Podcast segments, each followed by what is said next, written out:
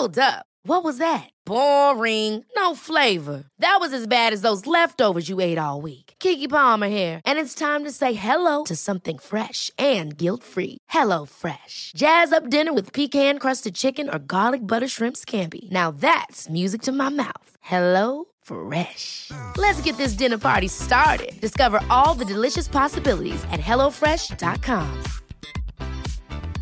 There's never been a faster or easier way to start your weight loss journey than with PlushCare. PlushCare accepts most insurance plans and gives you online access to board-certified physicians who can prescribe FDA-approved weight loss medications like Wigovi and Zepbound for those who qualify.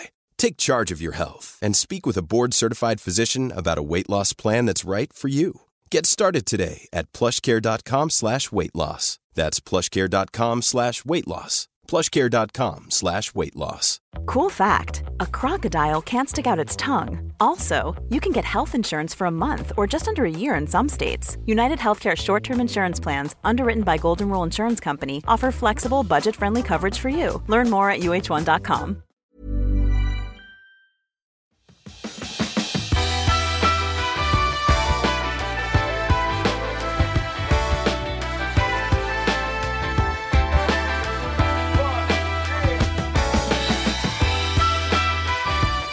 Hej och välkommen till Klimakteriepodden med mig, Åsa Melin. Jag är så glad för att ha med eldsjälen Lotta Hasselberg från Klimakterieportalen i det här avsnittet. Vi ska gå igenom en hel del olika frågor som är det som är mest undrat över när det gäller ämnet klimakteriet. Uppradade för kommande avsnitt är ett gäng intressanta personer, bland annat Mia Lundin. Hon har hjälpt massor med kvinnor genom sina böcker och blogg. Och när jag kontaktade Mia så sa jag så här, det känns lite som att jag nästan har gått över tiden när det gäller klimakteriet. Hur länge kan man ha en klimakteriepodd utan att ha med Mia Lundin? Men nu kommer hon alltså snart. Nu är det dags att få lyssna på det här avsnittets gäst.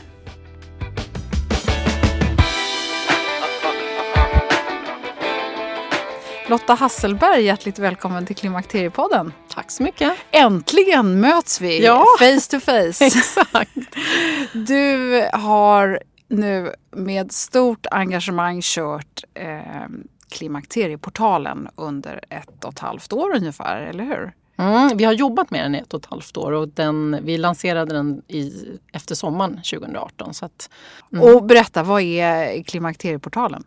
Klimakterieportalen är en webbsida eh, som bara handlar om klimakteriet kan man säga. Och eh, den innehåller allt ifrån eh, livsstilsreportage till eh, forskning och vetenskapliga artiklar. Eh, så att, eh, vi tänker oss att med den här klimakterieportalen att vi ska kunna nå ut till alla som behöver det. För vi är ju olika, alla människor är olika och man tar till sig kunskap på olika sätt. Och då vill vi kunna förmedla den här kunskapen på olika sätt också så att alla kan känna att de kan hitta sin väg till att få ökad kunskap. Ja, och det är ett fantastiskt smörgåsbord för det finns ju liksom olika eh, sidor man kan gå in på, olika frågor och man kan hitta någonting, artiklar, man kan hitta massor med olika saker. Så mm. jag måste säga att det är fantastiskt. Och sen har ni också en, en frågedel som eh, vi ska komma tillbaka till. Men vi kan ju komma tillbaka lite till dig Lotta. Du mm. är eh, barnmorska. Mm. Du är, eh, har du fyllt 50 eller 49 Nej, får man 49, säga? 49 och ett halvt. I november fyller jag 50. Ja. Eh, barnmorska och kurator och du mm. har jobbat på eh, ett antal olika ställen men mm. framförallt kvinnohälsa är det som har burit dig genom mm. hela livet och det är mm. det du brinner för. Mm. Och sexuell hälsa, kvinnohälsa och sexuell hälsa. Ja. Och du har också medverkat både i radio och tv och varit expert i ett antal olika sammanhang när det gäller kvinnohälsa. Jag eh, tycker det är spännande för du kan ju uppenbarligen väldigt mycket om hur kvinnokroppen fungerar. Och vi ska prata om det. Och det jag vill börja med här lite grann, vad är, vad är din erfarenhet av det som liksom upplevs som mest eftersatt när det gäller kvinnohälsa? Nu, nu fokuserar vi ju på kvinnan då under mm. någon form av övergångsålder. Mm. Nej, men, eftersom jag har jobbat eh, både som barnmorska och kurator inom många delar av kvinnohälsovärlden kan man säga, så, eh, så har jag ju ändå kunnat identifiera och se var, är, var finns den stora kunskapsluckan någonstans. Och det skulle jag säga är runt, kunskapen runt klimakteriet. Och, eh, det, vi barnmorskor vet mycket om, den, om kroppen, kvinnokroppen och eh, vi kan svara på många frågor. Men när det gäller klimakteriekunskap så har vi inte jättemycket i vår grundutbildning. Och sen om man då börjar jobba med andra saker under sitt barnmorskeliv så kanske man kommer ifrån det här lite. Eh, just vad som händer med kroppen i övergångsåldern. Eh, och, så det finns en kunskapslucka eh, både tror jag, hos vårdpersonal och eh, ute i, bland befolkningen om vad klimakteriet är. Mm. Och vad, vad, blir, vad är faran med det så att säga? Vad är risken med att... Eh, för det har vi också stött på tidigare att många hamnar hos gynekologer som inte ens är särskilt uppdaterade mm. eller kunniga om klimakteriet. Och där förväntar man sig ju verkligen att det ska finnas mycket. Mm. Och kanske ännu naturligare att vårdcentralerna eller liksom allmänläkarna, att inte de har specialistkunskap. Det kanske man inte kan förvänta sig. Men vad är faran med det här? För det finns ju då... Eh, nu far ju den här siffran med att eh, nästan en miljon kvinnor är i klimakteriet ständigt i, i Sverige. Mm, vad, vad händer med de här kvinnorna då? Ja, men faran är att har man ingen kunskap själv som drabbad, eh, då vet man heller inte hur man ska söka hjälp. Eh, och eh, jag brukar säga att kunskap är, är, makt. Om vi kan förmedla kunskap till de kvinnorna som går igenom ett svårt jobbigt klimakterium då har man ju kommit en jättelång bit på väg. Eh, därför att lär du dig saker om vad som händer i kroppen, då vet du också hur du ska kunna åtgärda det på ett bra sätt. Och klimakteriet är ju ingen sjukdom, det tjatar vi om hela mm. tiden. Mm. Men det kan ge sjukdomsliknande symptom och besvär. Eh, och står man där och börjar få de här besvären eh, och inte förstår vad det är som händer i ens kropp och då blir man ju jätteorolig och så söker man massa hjälp hos massa olika eh, vårdinrättningar och så får man ändå inte den hjälpen. Så jag tror att lyckas vi att öka kunskapen hos, ute bland befolkningen så har man kommit en, en lång bit på väg. Ja, för, för mig så känns det som att vad du säger är ju att vi också har ett ganska stort ansvar som kvinnor själva. Ja, det tycker jag. Och, och, och, där är det ju då ett problem för hur ska man få den här kunskapen? Mm. Vilken bok ska man köpa? Mm. Vilken podd ska man lyssna ja. på? Vilken portal ska man läsa i? Alltså det här är ju väldigt nytt att, att vi också har fått eh, klimakteriet i ropet. Så mm. det är mm. ju, jag kan tycka att det är väldigt sorgligt att man inte redan liksom mycket tidigare i sitt mm. liv får den här kunskapen. Men mm. det, det, är väl kanske det här som vi liksom kommer tillbaka till. Att det är den här, den här åldrande grej, det händer sen. Man oroar sig inte för det. Nej men jag tror, det, om man säger då eh, de kommande generationerna som kommer komma i klimakteriet förhoppningsvis har de en, en större kunskap när de väl är där. För att det vi ser nu händer bland unga människor det är ju att vi börjar prata mer om mens till exempel. Unga personer vågar säga ordet mens, de vågar säga att de har mens och vilka besvär de har. Bara för 20-30 år sedan inte pratade man man vågade inte prata så mycket om mens men nu finns det böcker om, om mens och det finns... Eh, alltså det, det är inget konstigt med mens längre i den generationen. Så jag tror att när den generationen väl kommer till klimakteriet då eh, kommer, då kommer det, hända då saker. Kommer det, ja. Så att vi behöver få en ökad kunskap från början om hela den reproduktiva livscykeln kan man säga. Från det att man kommer in i puberteten tills dess att man går ur, kan man säga, ur mm. sin fertilitet. Mm. Och förstå vad det är som händer i kroppen. För förstår vi det, då blir vi inte lika rädda. Vi behöver inte bli arga på vår kropp. Alltså det är många som blir arg på sin kropp och tycker att den sviker. Den känner jag igen. Ja, ja men det är jättevanligt. Mm. Ja. Eh. Du, du berättade en härlig historia om en kvinna som var eh, i 80-årsåldern och hade börjat dejta precis innan ah. vi började spela in. Kan mm. du inte göra det? För det är också så här, kunskapen, det är ju inte bara fram till klimakteriet utan Nej. man ska ju kunna sin kropp lite längre. Mm, precis, precis. Jo men som barnmorska, om man jobbar på en barnmorskemottagning eh, då är det ju vårt uppdrag att även testa för eh, sexuellt överförda infektioner, könssjukdomar.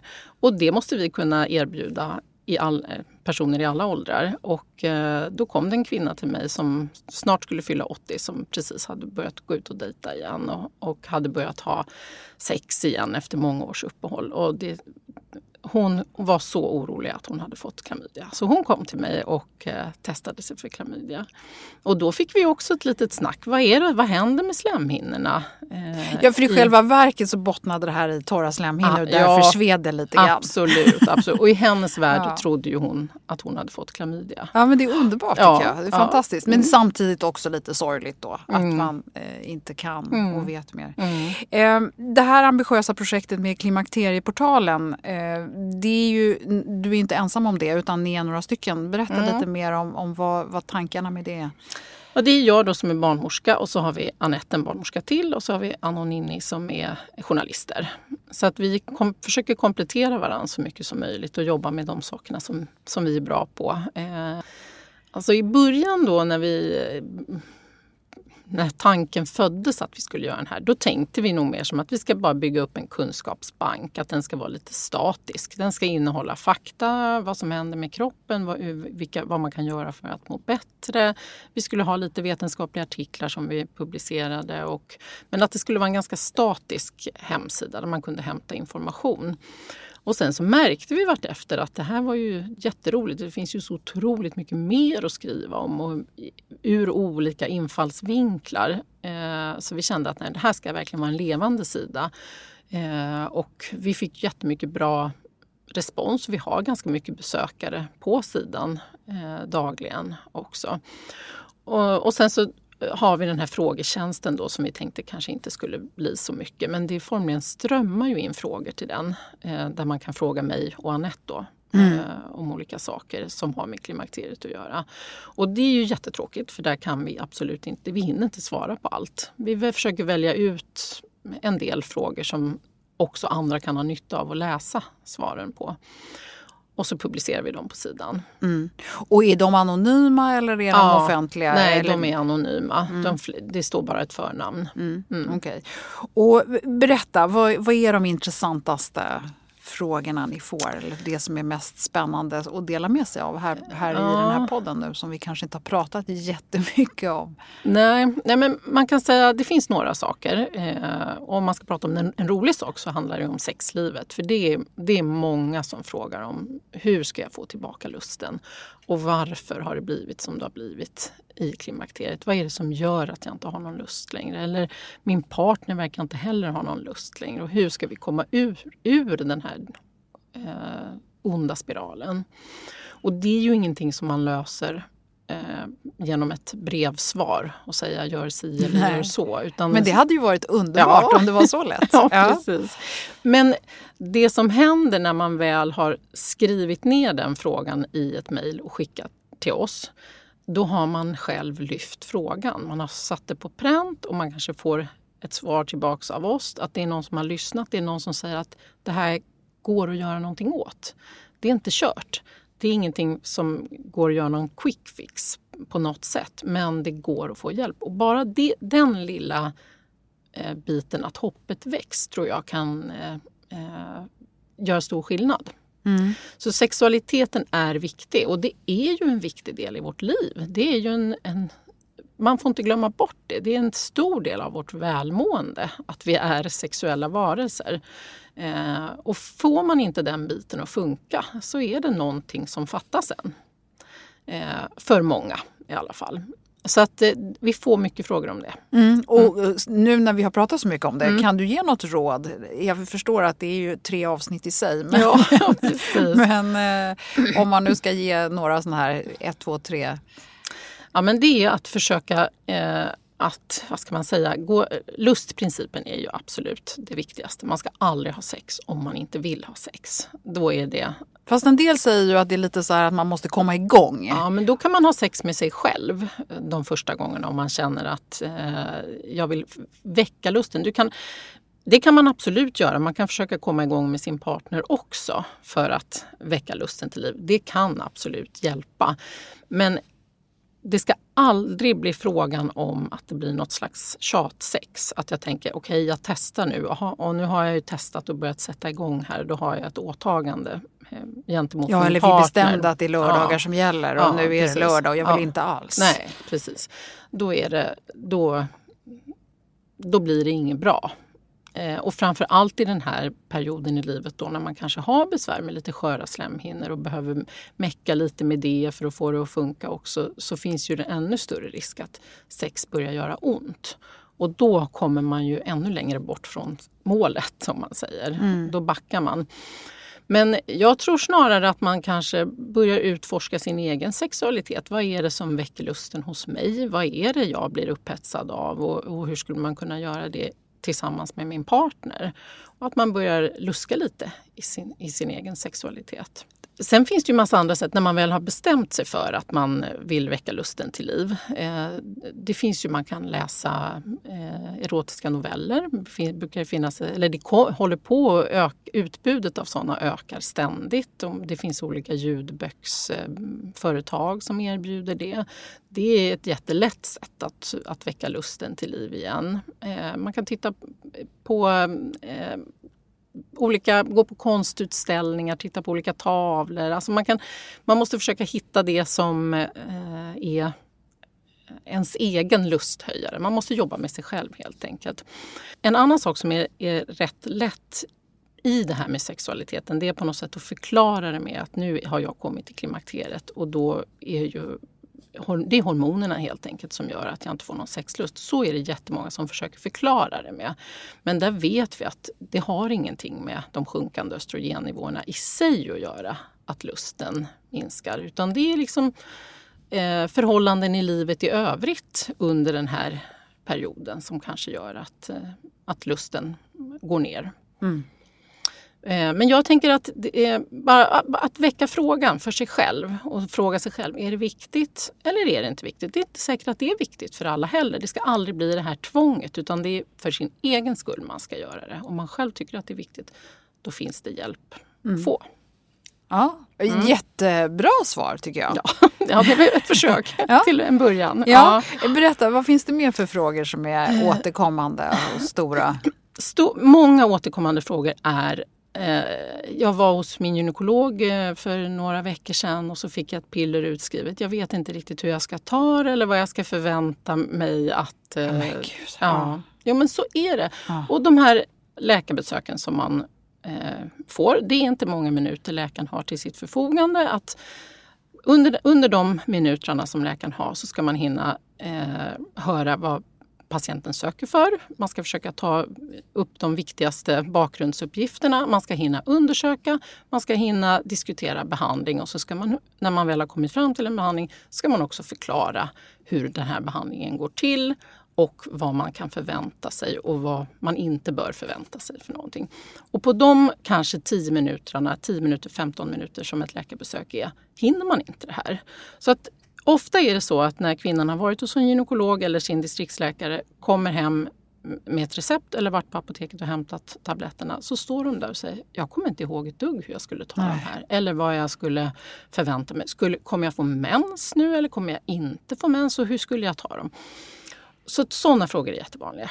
Och där tänker jag att vi barnmorskor fyller en viktig... Alltså, vi behövs, både läkare och barnmorskor behövs. Vi kan inte eh, ha klimakterievård utan vare sig det ena eller det andra. Vi måste tänka liksom mer helhetssynsmässigt kan man säga. Eh, så att ganska ofta är det så att man får frågan hur, hur är det nu jag ska ta de här tabletterna?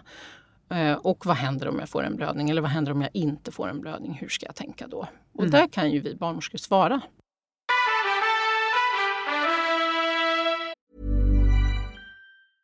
Ever catch yourself eating the same flavorless dinner three days in a row? Dreaming of something better? Well, HelloFresh is your guilt free dream come true, baby. It's me, Gigi Palmer. Let's wake up those taste buds with hot, juicy pecan crusted chicken or garlic butter shrimp scampi. Mm. Hello Fresh. Stop dreaming of all the delicious possibilities and dig in at HelloFresh.com.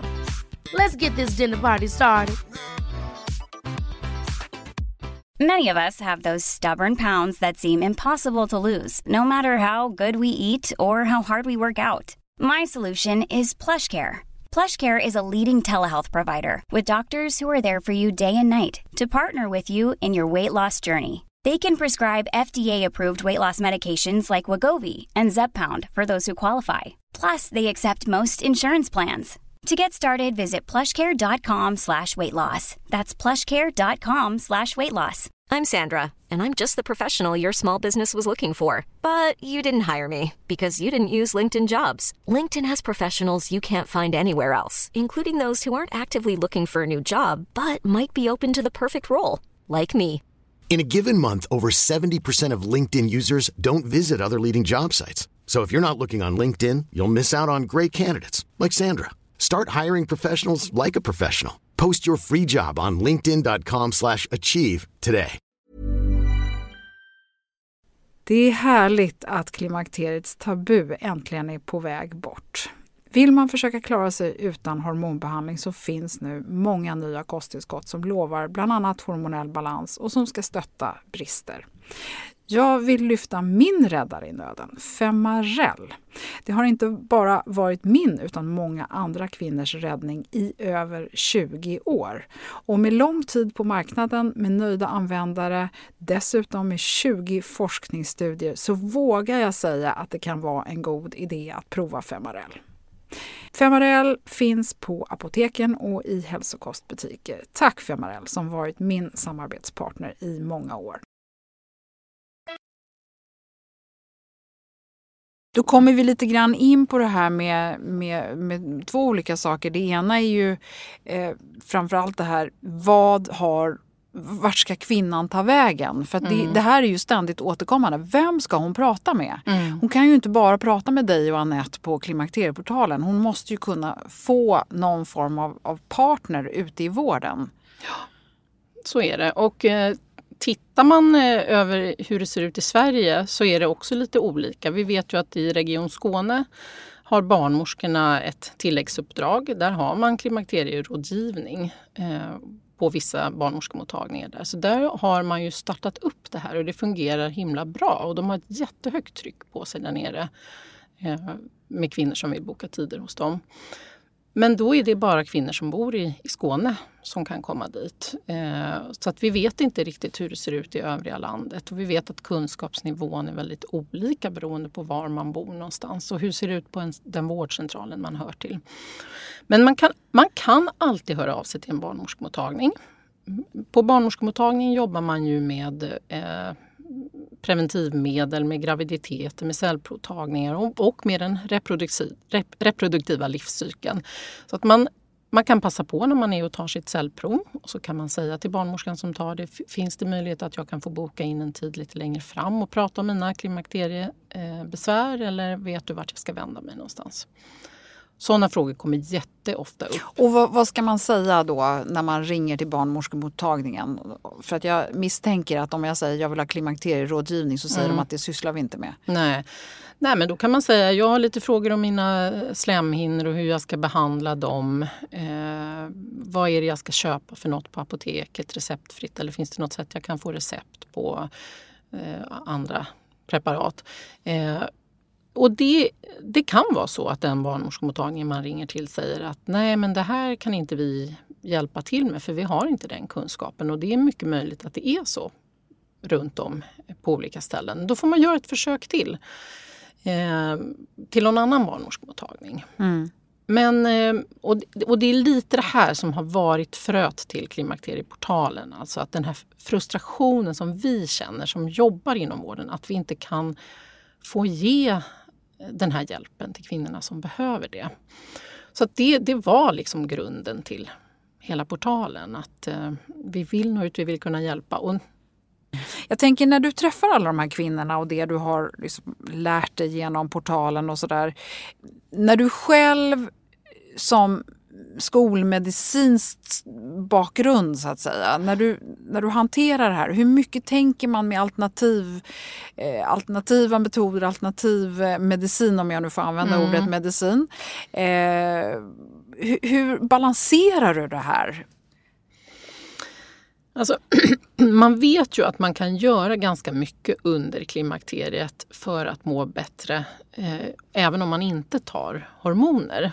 Eh, man kan, man, vi vet att eh, motion till exempel är jättebra.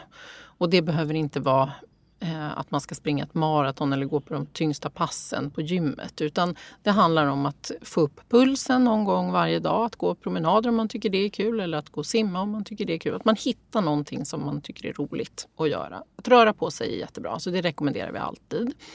Sen rekommenderar jag aldrig några eh, naturläkemedel eller hälsokostpreparat. Ja, det, det säger jag aldrig. Det här är ett bra preparat, det kan du testa. Men om kvinnan själv frågar mig, jag tar ett som heter si och så, eh, skulle det kunna, vad tror du om det? Då säger jag, känner du att det har fungerat på dig så, och du mår bra av det, då kan du fortsätta att ta det. Men känner du ingen skillnad eller känner du att du mår sämre, det, då, det beslutet måste kvinnan ta själv, så känner mm. jag. Nej men för jag tänker där finns det lite problem tycker jag i alla fall. För då när det gäller de här alternativa mm. produkterna som finns både på nätet som kanske inte är tillgängliga i Sverige mm. men som går att köpa via sajter till Sverige i alla mm. fall. Och om man bara går in på en hälsokostbutik så finns det ju mm. då och du säger att ah, jag har lite klimakteriebesvär. Mm. Alltså det har jag ju gjort ett antal gånger bara för i rent eh, eh alltså studiesyfte. Ja, ja, det är ju väldigt väldigt intressant ja, kan jag säga. Och jag hade kunnat bli väldigt fattig på det och jag tror att jag kunde, hade kunnat belasta kroppen ganska mycket mm. också. Men, jag är ändå nyfiken på vad händer när man liksom tar de här olika alternativa mm. grejerna och hur länge måste man prova? Finns det liksom, mm. Har du några åsikter Nej. om det? Nej, jag brukar säga att eh, det, det finns en överdriven hormonrädsla. Även om vi känner att den vinden börjar vända lite nu. Eh, men då tänker man så här, nej jag vill inte ta hormoner för det har jag hört ska vara farligt. Så är det många som tänker. Så jag går till hälsokostbutiken och köper det här för det, det är ju hälsokost eller det är naturläkemedel så det låter ju bra. Och då, bara där har det ju gått fel. För vi vet att hormoner det, det har gått igenom rigorösa olika studier och tester för att komma fram till det målet att man faktiskt får förskriva det. Medan ett hälsokostpreparat har inte alls gått igenom alla de här studierna för att få säljas. Så att vill man vara säker på vad man stoppar i sig, då är det ju läkemedel man ska ta. Eh, det är ju lite ett spel att gå på hälsokostaffären och köpa någonting som, man inte alls, som inte alls har genomgått samma hårda prövning som ett läkemedel har. Eh, men, Fast där tänker man väl automatiskt att det innehåller inte så farliga saker inom situationstecken. Nej, men man vet ju inte riktigt vad det innehåller eh, ofta när man köper en burk. Eh, det kan innehålla både det ena och det andra. Eh, och just att det heter naturläkemedel så tänker man att det är ju naturligt. Så tror jag att det är många som mm som resonerar. Och det har vi ju hört flera gånger andra läkare sagt i podden också att har det en effekt så har det en effekt. Ja. Det vill säga ja. då påverkar det någon, ja. någonting i mm. kroppen eftersom mm. det hjälper ja. mot någonting. Precis. Mm. Och känner man att det hjälper, att man mår bra av det, då kan man absolut fortsätta att ta det. Men eh, man kan väl ge det några månaders försök då. Mm. Mm. Om man nu tänker på det här med hur vården på sikt kommer eh, utvecklas? Har du liksom några tankar där när det gäller liksom vad, vad du skulle kunna få önska och vart, vart du tror att vi är på väg? Jag hoppas och kanske tror på sikt att det kommer att bli lite så som det är i Skåne nu. Eh, att där man faktiskt har speciella mottagningar för klimakterierådgivning där det jobbar barnmorskor. Eh, och jag vet att det finns mycket barnmorskor ute i landet som kanske inte jobbar som barnmorskor just nu som skulle kunna lockas tillbaka till sitt arbete som barnmorska i, i, i, den, eh, i det sammanhanget. Så jag hoppas att vi ska få eh, klimakteriemottagningar på fler ställen och att det inte blir en fråga om man har råd eller inte. Eh, att man får köpa sig sin klimakterierådgivning för dyra pengar. Utan jag jag hoppas att det blir en vård som blir tillgänglig för alla. Mm. Jag är också lite nyfiken på, du eh, är ju själv mitt i brinnande klimakteriet. Mm. Har du någon sån här liksom, grej som du vill dela med dig av eller någonting personligt som har hänt eller inte hänt eller liksom, något, något råd eller något eh, ja. värdefullt som... jag måste, som, som superspecialist. Jag, jag har ju varit lite så här jag tycker att det är, jag tycker, jag har alltid tyckt i hela mitt liv att det är så fascinerande med kroppen, att det händer saker och framför allt med vår kvinnokroppen. Att vi går igenom så många olika faser. Att det händer saker hela tiden. Eh, så jag har varit lite nyfiken på det här med klimakteriet faktiskt. Eh, under, även innan jag kom in i klimakteriet och tänkte vad ska hända med mig då? Så jag var nästan lite snopen när jag insåg att jag kom till den dagen bara, för nu har jag ingen mens längre. Jag är liksom typ igenom det här och har inte märkt så mycket. och blev lurad på alla besvär. Ja, nej, jag ska inte liksom skoja bort de som har besvär, det är inte så. Men, eh, men jag märker att jag mår bra av att röra på mig. Mm. Så kan man säga. Det, mm. det, och jag är lite för dålig på att göra det. Men när jag väl tar mig tid att göra det så mår jag bättre. Mm. Men jag är tyvärr en soffliggare eh, och gillar, gillar det. Ja. och jag tror, jag tror att det handlar om att försöka göra saker som man mår bra av, som man vet att man blir glad av. Man ska livet är alldeles för kort för att göra saker som man inte mår bra av bara för att någon annan har sagt att man ska göra det. Men det, finns ju så otroligt mycket pekpinnar och vi pratade lite här innan mm. vi satte igång själva intervjun också lite det här med idag är det ju så otroligt populärt att prata om kost och, och vad som mm. gör vad och socker och alltså mm. skulle man ens komma på idén att äta en vetebulle då får man mm. väl skylla, eller kanelbulle. då får man komma på idén att äta, ja men precis, ja. då mm. äter man, har man ätit en kanelbulle får man eh, stå sitt kast ja, lite grann. Ja. Hur tänker du kring allt det här som liksom blir lite en fixering tycker ja, jag? Jag tycker det är jättesorgligt för det ger, ger ännu mera, blir oket ännu tyngre på något sätt för de här kvinnorna som inte mår bra. Eh, sen samma sak där. Man kan pröva att äta någon eh, typ antiinflammatorisk kost om man tror att det eller har läst mycket om det. Och så får man väl utvärdera det efter en månad eller två och se, var det någon skillnad för mig det här? Ja, det kanske det var. Ja, då kan man fortsätta med det. Men var det ingen skillnad, gör inte det då. Utan hitta saker som man... Alltså kroppen och själen hänger ihop, så enkelt är det. Mår man bra själsligt så mår kroppen bättre och mår kroppen bättre så mår man ofta bättre själsligt också. Det, jag tror att man måste hitta den där balansen mm. och inte tynga ner sig med en massa måsten. Det har vi nog av ändå i livet. Måsten. Ja, för jag tänker också att det blir väldigt mycket en, ytterligare en stress. Så att ja, säga. ja, mm. som man ska förhålla sig till. Mm. Hitta ro. Alltså, jag, återigen, att röra på kroppen är bra. Det vet vi. Man behöver inte bli någon elitidrottare eller springa maraton eller vad man nu tror att man måste göra. Men man tar trapporna. Nu tog jag trapporna hit till exempel. Vi sitter på nionde våningen. Jag var det är ambitiöst. Ja, men jag var jätteflåsig när vi jag kom upp. Jag gick hit men jag gick inte upp för trapporna. Nej, Nej men man får försöka uh, få in det. Uh, att röra på sig är bra. Det mm. försöker jag göra. Mm. Mm. Och sen så tycker jag också det här med, med eh, just det här göra roliga saker. Det, mm. man kanske kan hitta nya saker som är roliga i mm. livet nu. För jag tror att många kvinnor hamnar i den här situationen att man faktiskt kanske, om man funderar lite, har mer tid i den här åldern än vad man kanske haft eh, om man går tillbaka tio mm, år. Och absolut. att man då inte bara låter den tiden försvinna Nej, till något Instagram-scrollande eller någonting. Utan Nej. att man gör något vettigt. Ja. Kultur är hälsa till exempel. Det skrev jag en artikel på, om på portalen för två mm, veckor sedan. Men det har man väl till och med vetenskapligt ja, absolut. bevisat vid det här laget? Ja. Gå på bio eller museum. Och det Träffa några vänner och ta en kopp kaffe. Ja, och, ja, precis. Så det finns, det finns mycket att göra. Ja, mm. Vad bra. Har vi missat någonting Lotta? Eh, ja, har vi det? Nej, jag, alltså det har vi säkert. Jag, tror, jag känner att jag, vi skulle kunna sitta här och prata jättelänge ja, om massa precis. olika Ska saker. vi avsluta med ja. en, en sån här fråga till då? En klimakterieportalsfråga. Eh, många frågor som kommer in är också, eh, måste jag ta prover för att veta om jag är i klimakteriet? Och vilka prover ska jag ta? Jag vill prata med min eh, husläkare. Och då säger vi nej, du behöver inte ta några prover. Eh, man, när man behandlar klimakteriebesvär så går man på symptomen. Inte vad östrogenet låg på en viss dag.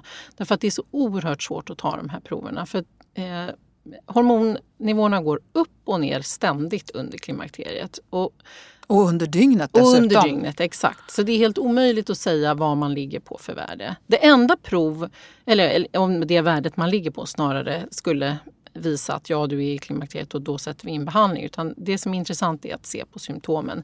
Men ett prov kan vara bra att ta och det är ju sköldkörtelprover. Eh, men det vet nästan alla läkare om. Det är liksom det första de tänker att ja, vi, kollar, vi utesluter i alla fall att det inte är någon vajsing med, med sköldkörteln. För det är också ett ganska vanligt tid i livet att få lite problem med, med sköldkörteln. Mm. Och då kan man behöva sätta sig in på medicinering Och vilka det. symptom är då vanligast att man har om man har sköldkörtelproblem? Eh, då har man oftast eh, att man fryser, att man är trött att man känner eh, sig låg i, i, sin sinnesstämning, att man eh, kanske går upp lite grann i vikt. Eh, eh, temperaturväxlingar kan också vara, och det, det kan ju också vara ett vanligt klimakteriesymptom. Så det kan vara ibland svårt att veta vad som är vad. Och då kan man i alla fall ta de här sköldkörtelproverna för att säga, ah, då var det inte det i alla fall. Eh, då, går vi, då tar vi nästa steg och så säger vi, då, då är det det här, med tanke på att du har en mensen är som den är till exempel. Man får ju fråga frågor istället. Mm. Eh, och att du är si och så gammal så tyder allt det här på att det är klimakteriebesvär. Mm. Och då kan man pröva att behandla dem för att se om det var det också. Mm. Blir man bättre då vet man att ah, då var det klimakteriebesvär. Så att man ska inte hålla på, jag tycker inte att man ska hålla på att ta en massa olika prover som man sen försöker tolka med hjälp av internet och eh, få fram en massa konstiga resultat och, och tror att det är det ena och det andra. Utan eh, gå på symptomen. Det, Mm. Ja, men det var mm. jättebra sista fråga tycker jag. Vi ska naturligtvis också länka till Klimakterieportalen eh, i anslutning till det här avsnittet. Och eh, säkert har du någonting annat spännande som vi också ska lägga upp på Facebook och Klimakteriepoddens hemsida. Och sen så ska det bli jättespännande att fortsätta följa Klimakterieportalen och ni som lyssnar som inte har varit inne, kika in där. Ni kommer absolut garanterat lära er någonting. Tusen tack Lotta för att du kom till Klimakteriepodden idag. Tack så mycket för att jag fick komma hit. Det var ja. jätteroligt. Ja, mm. härligt. Och, och, våra läsare på Klimakterieportalen kan också läsa om dig på Klimakterieportalen. Vi har länkat till dig också. Ja, vad roligt. Ja. Perfekt. Då går det inte att missa. Nej, precis. Nej, fint. Tusen tack. Tack, tack.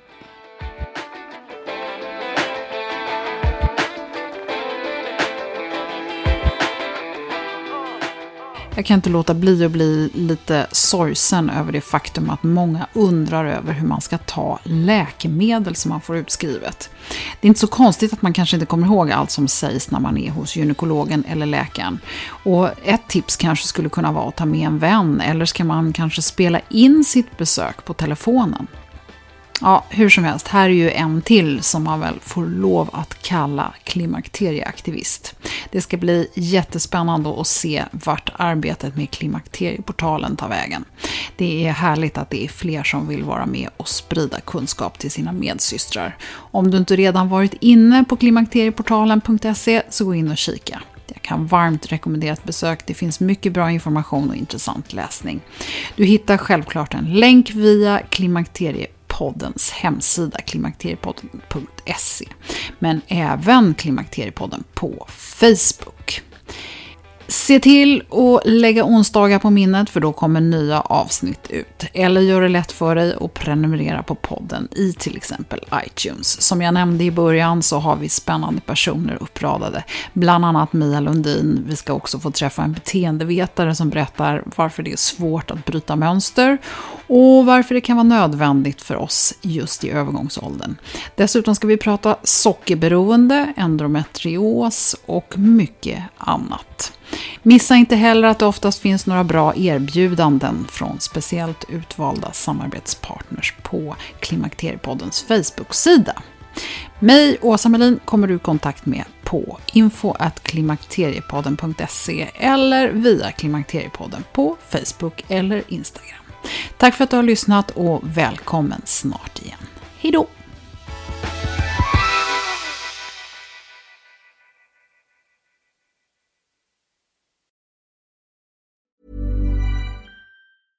Ever catch yourself eating the same flavorless dinner three days in a row? Dreaming of something better? Well, HelloFresh is your guilt-free dream come true, baby. It's me, Gigi Palmer. Let's wake up those taste buds with hot, juicy pecan crusted chicken or garlic butter shrimp scampi. Mm. Hello Fresh. Stop dreaming of all the delicious possibilities and dig in at HelloFresh.com. Let's get this dinner party started. Hey, it's Paige DeSorbo from Giggly Squad. High quality fashion without the price tag. Say hello to Quince. I'm snagging high-end essentials like cozy cashmere sweaters, sleek leather jackets, fine jewelry, and so much more. With Quince being 50 to 80% less than similar brands. And they partner with factories that prioritize safe, ethical, and responsible manufacturing. I love that. Luxury quality within reach. Go to quince.com slash style to get free shipping and 365-day returns on your next order. quince.com slash style. Imagine the softest sheets you've ever felt. Now imagine them getting even softer over time. That's what you'll feel with Bowl and Branch's organic cotton sheets. In a recent customer survey, 96% replied that Bowl and Branch sheets get softer with every wash. Start getting your best night's sleep in these sheets that get softer and softer for years to come. Try their sheets with a 30-night guarantee. Plus, get 15% off your first order at bowlandbranch.com. Code BUTTERY. Exclusions apply. See site for details.